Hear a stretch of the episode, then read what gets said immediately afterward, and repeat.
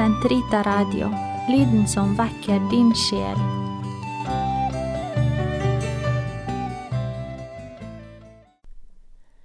Karmels hage, episode 24 Therese av Lichø, en vakker blomst vi kan lære å kjenne.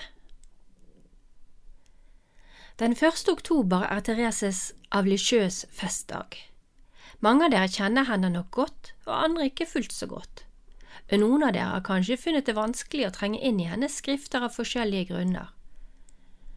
Selv måtte jeg gå lange omveier med mange forsøk på lesning av hennes sjels historie før jeg kunne ta imot henne som venn, den venn og veileder hun ønsker å være for oss alle. Jeg reagerte opprørt på så mye av det hun skrev, særlig det om å elske lidelsen. For meg hørtes det fullstendig urimelig ut, men Gud har sine måter å snu en uvillig sjel på. En pilegrimstur til Lisieux i 2014, som jeg så vidt nevnte for dere i forrige episode, og den norske oversettelsen av hennes selvbiografi, som kom ut samme år, satte det hele på plass. I en del programmer fremover vil dere få litt innblikk av noen av de hemmelighetene jeg har oppdaget at hun ønsker å dele med oss. I 2018 ble vennskapet fordypet, i ni måneder fikk vi ta del i forberedelsen til noe så merkelig som en relikvievalfart til Norden. For mange ble dette både problematisk og frastøtende. Thereses relikvier skulle komme til Norden sammen med hennes helligkårede foreldres, Louise og Célie Martin.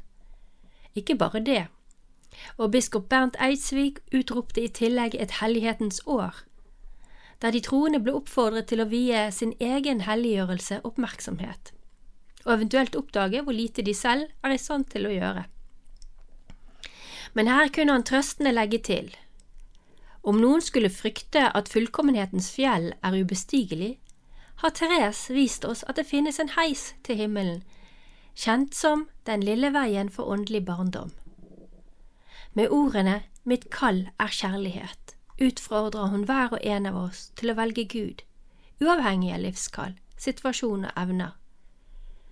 For det er bare Gud som kan fylle de dypeste lengslene i våre liv. Med troens gave oppdager vi hvem, hvem vi ved Guds nåde får lov til å være. Som hellige kan vi endelig bli hele mennesker. Therese Lisieux er sannelig ikke noen helgen man kan omdanne til teoretisk teologi og henge til pynt på en av våre mange kunnskapsknagger. Pollestads beskrivelse av i sin lettleste biografi om henne, Therese, en kjærlighetshistorie fra virkeligheten, forteller om hvordan han som ung teolog ga opp ved første gangs forsøk på grunn av hennes blomsterspråk. Ikke før han fikk det vesle heftet som Morten Bjelland skrev om henne, kunne han ta fatt igjen.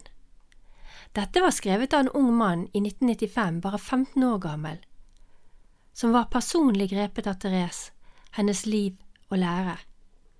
Jeg vil på det varmeste anbefale dere både hennes selvbiografi og Bjellands vesle biografi, som kom ut på nytt igjen i forbindelse med relikvievalfarten i 2018, på Sankt Olav forlag.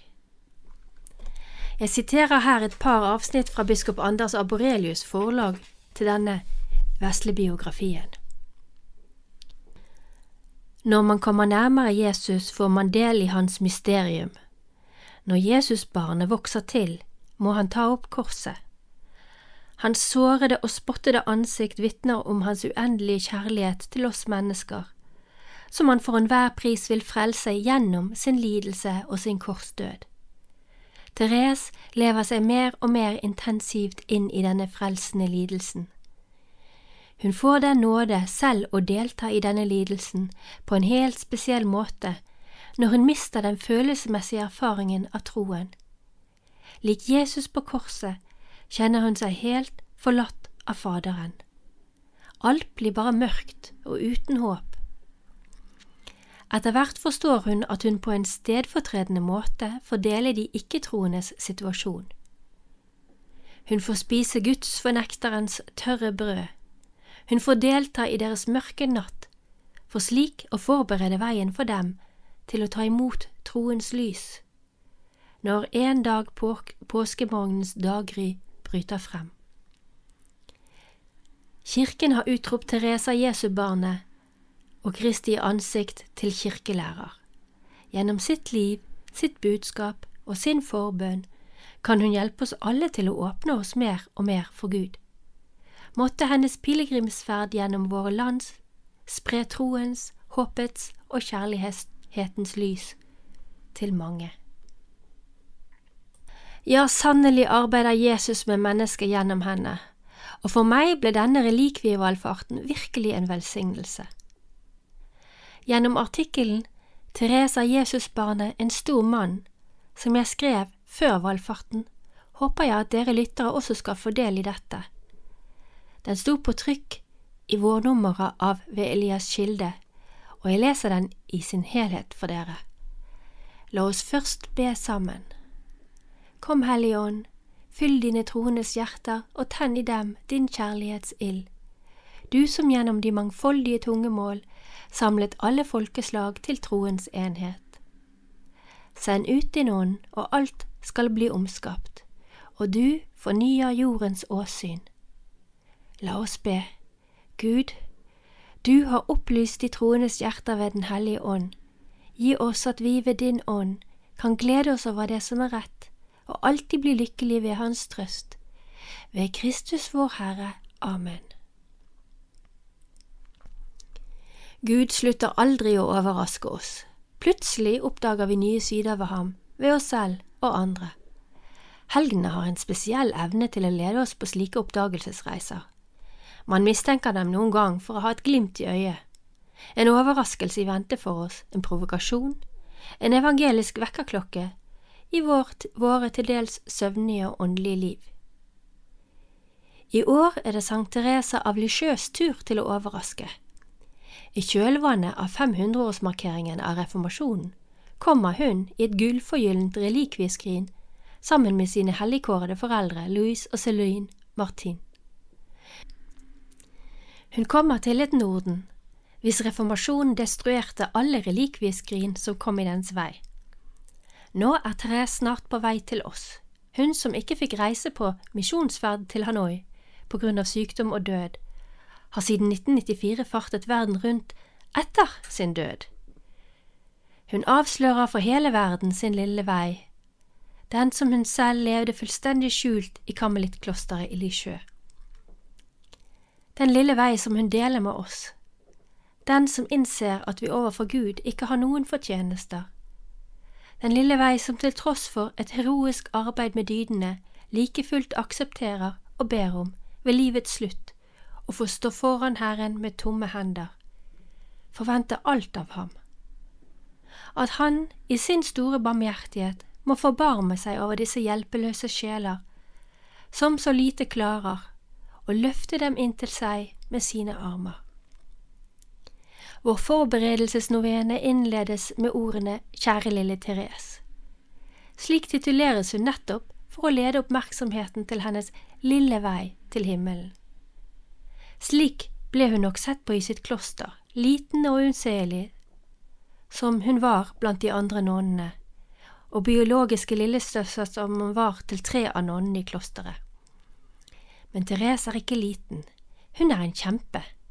Hun er en heroisk kjempe på linje med alle de kall hun opplevde at hun hadde, i tillegg til det å være karmelittnonne, brud og mor.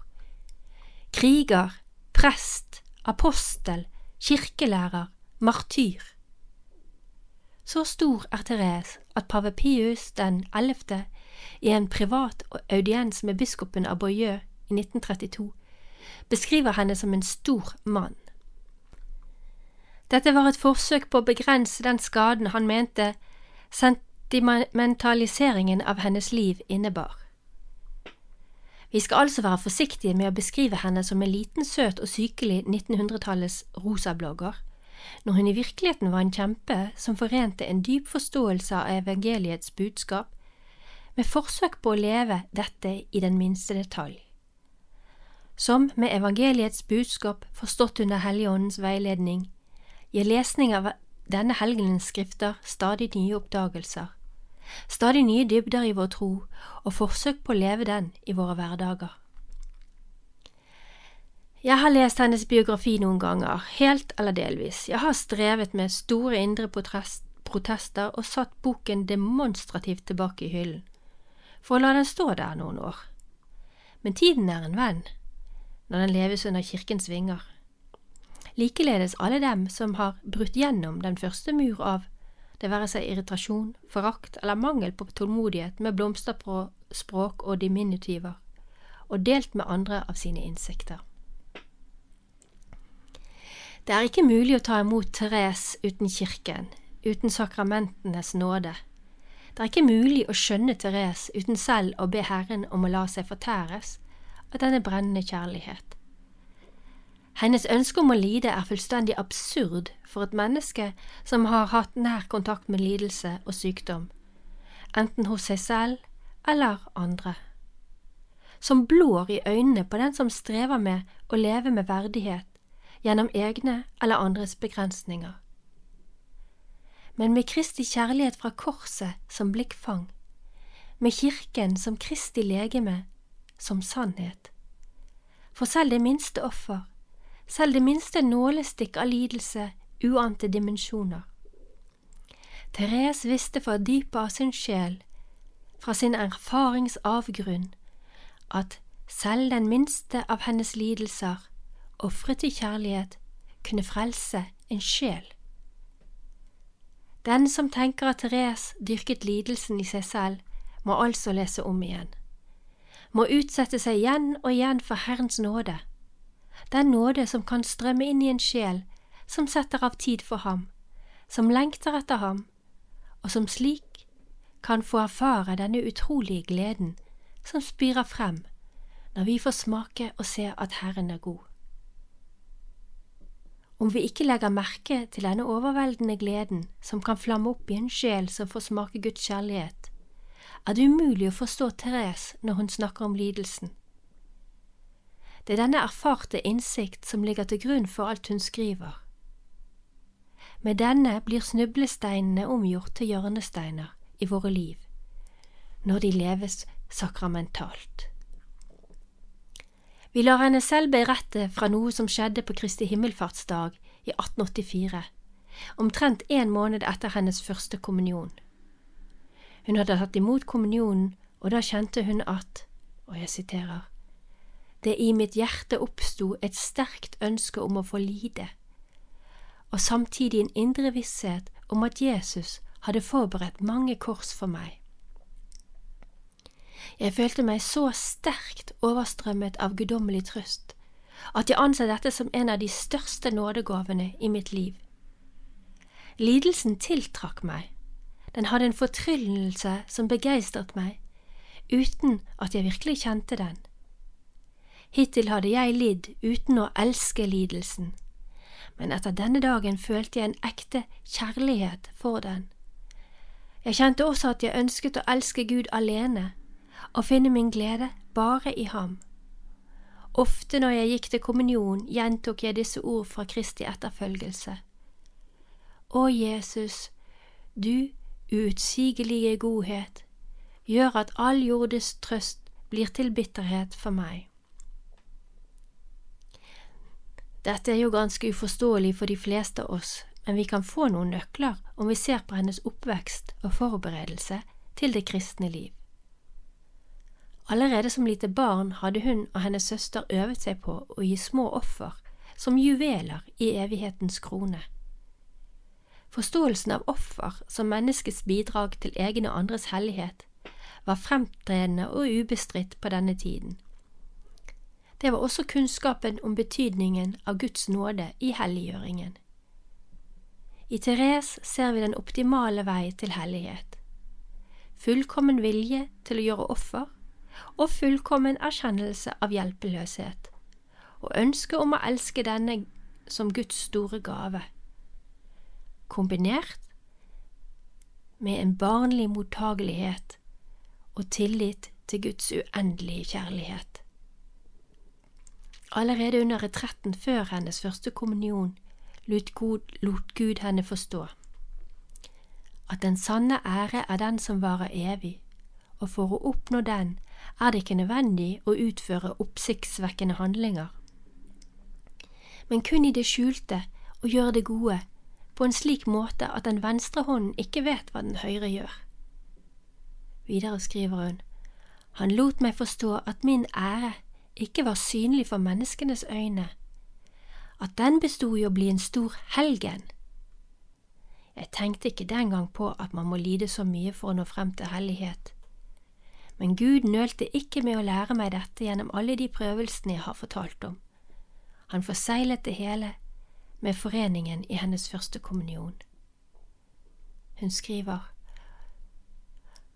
Å, hvor skjønt det var, dette første kysset Jesus ga min sjel. Det var et kjærlighetskyss, og jeg følte meg elsket, og jeg sa også, Jeg elsker deg og gir meg til deg for alltid. Der var ingen krav, ingen kamp, intet offer. Jesus og den stakkars lille Therese hadde allerede lenge vekslet blikk, og de forsto hverandre. Denne dagen var det ikke lenger bare et blikk, men en sammensmeltning. De var ikke lenger to. Therese var forsvunnet liksom en vanndråpe forsvinner i havet. Det var bare Jesus nå. Han var Herren, kongen. Therese indre, flam, indre var antent av Herrens gledesflamme, den som aldri slukner om han vedvarende får tillatelse til å puste liv i den. I denne nåden, i denne intime, brennende, altoverskyggende kjærligheten, som plutselig kan skje i forening med Herren, gjennom et sakramentalt liv og et stillhetens kontemplative bønneliv, er det altså at vi må forstå Thereses budskap. Det er en oppfordring til oss, og en vekker til stadig å søke den ytterste grense for tillit og håp til Herren. For stadig å be om at sannheten om Guds kjærlighet og det bedende mennesket må få liv i oss.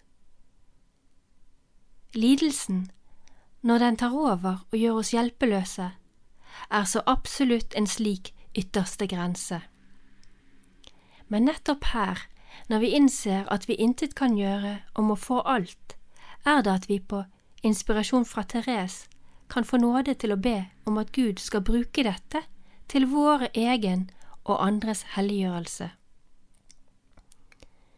at vi gradvis må lære å akseptere våre tomme hender som den største nådegave når vi holder dem frem for Herren, med håp og tillit om å få alt fra Ham. Hun forklarer i brev til sin søster Agnes sin fantastiske hemmelighet. Jeg har gjort det til et poeng aldri å bli voksen. Å være liten betyr at du aldri kan ta æren for de dyder du praktiserer. Fem dager før sin død ytrer hun. De små vil bli dømt med ekstrem mildhet, og du kan kanskje sikkert få bli liten selv i en ansvarsfull posisjon, selv om du blir veldig gammel. Hvis jeg hadde dødd som 80-åring, hvis jeg hadde vært i Kina og over hele verden, er jeg overbevist om at jeg ville dødd så liten som jeg er i dag. Og det er skrevet at til slutt vil Herren oppreise og frelse de milde og ydmyke av hjerte på jorden. Det står ikke dømme, men frelse. Det er på grunn av hennes heroiske kamp og vilje til å elske sin litenhet og lidelse at pave Pius 11. beskriver henne som en stor mann. Hun blir stor fordi hun lar Herren få alt, ved ham og med ham og i ham kan vi alle bli sterke menn. Tidløse ekko av ordenens opprinnelige grunnlegger Teresa av Avels ord til sine nonner. Kjemp som sterke menn til dere dør. Amen.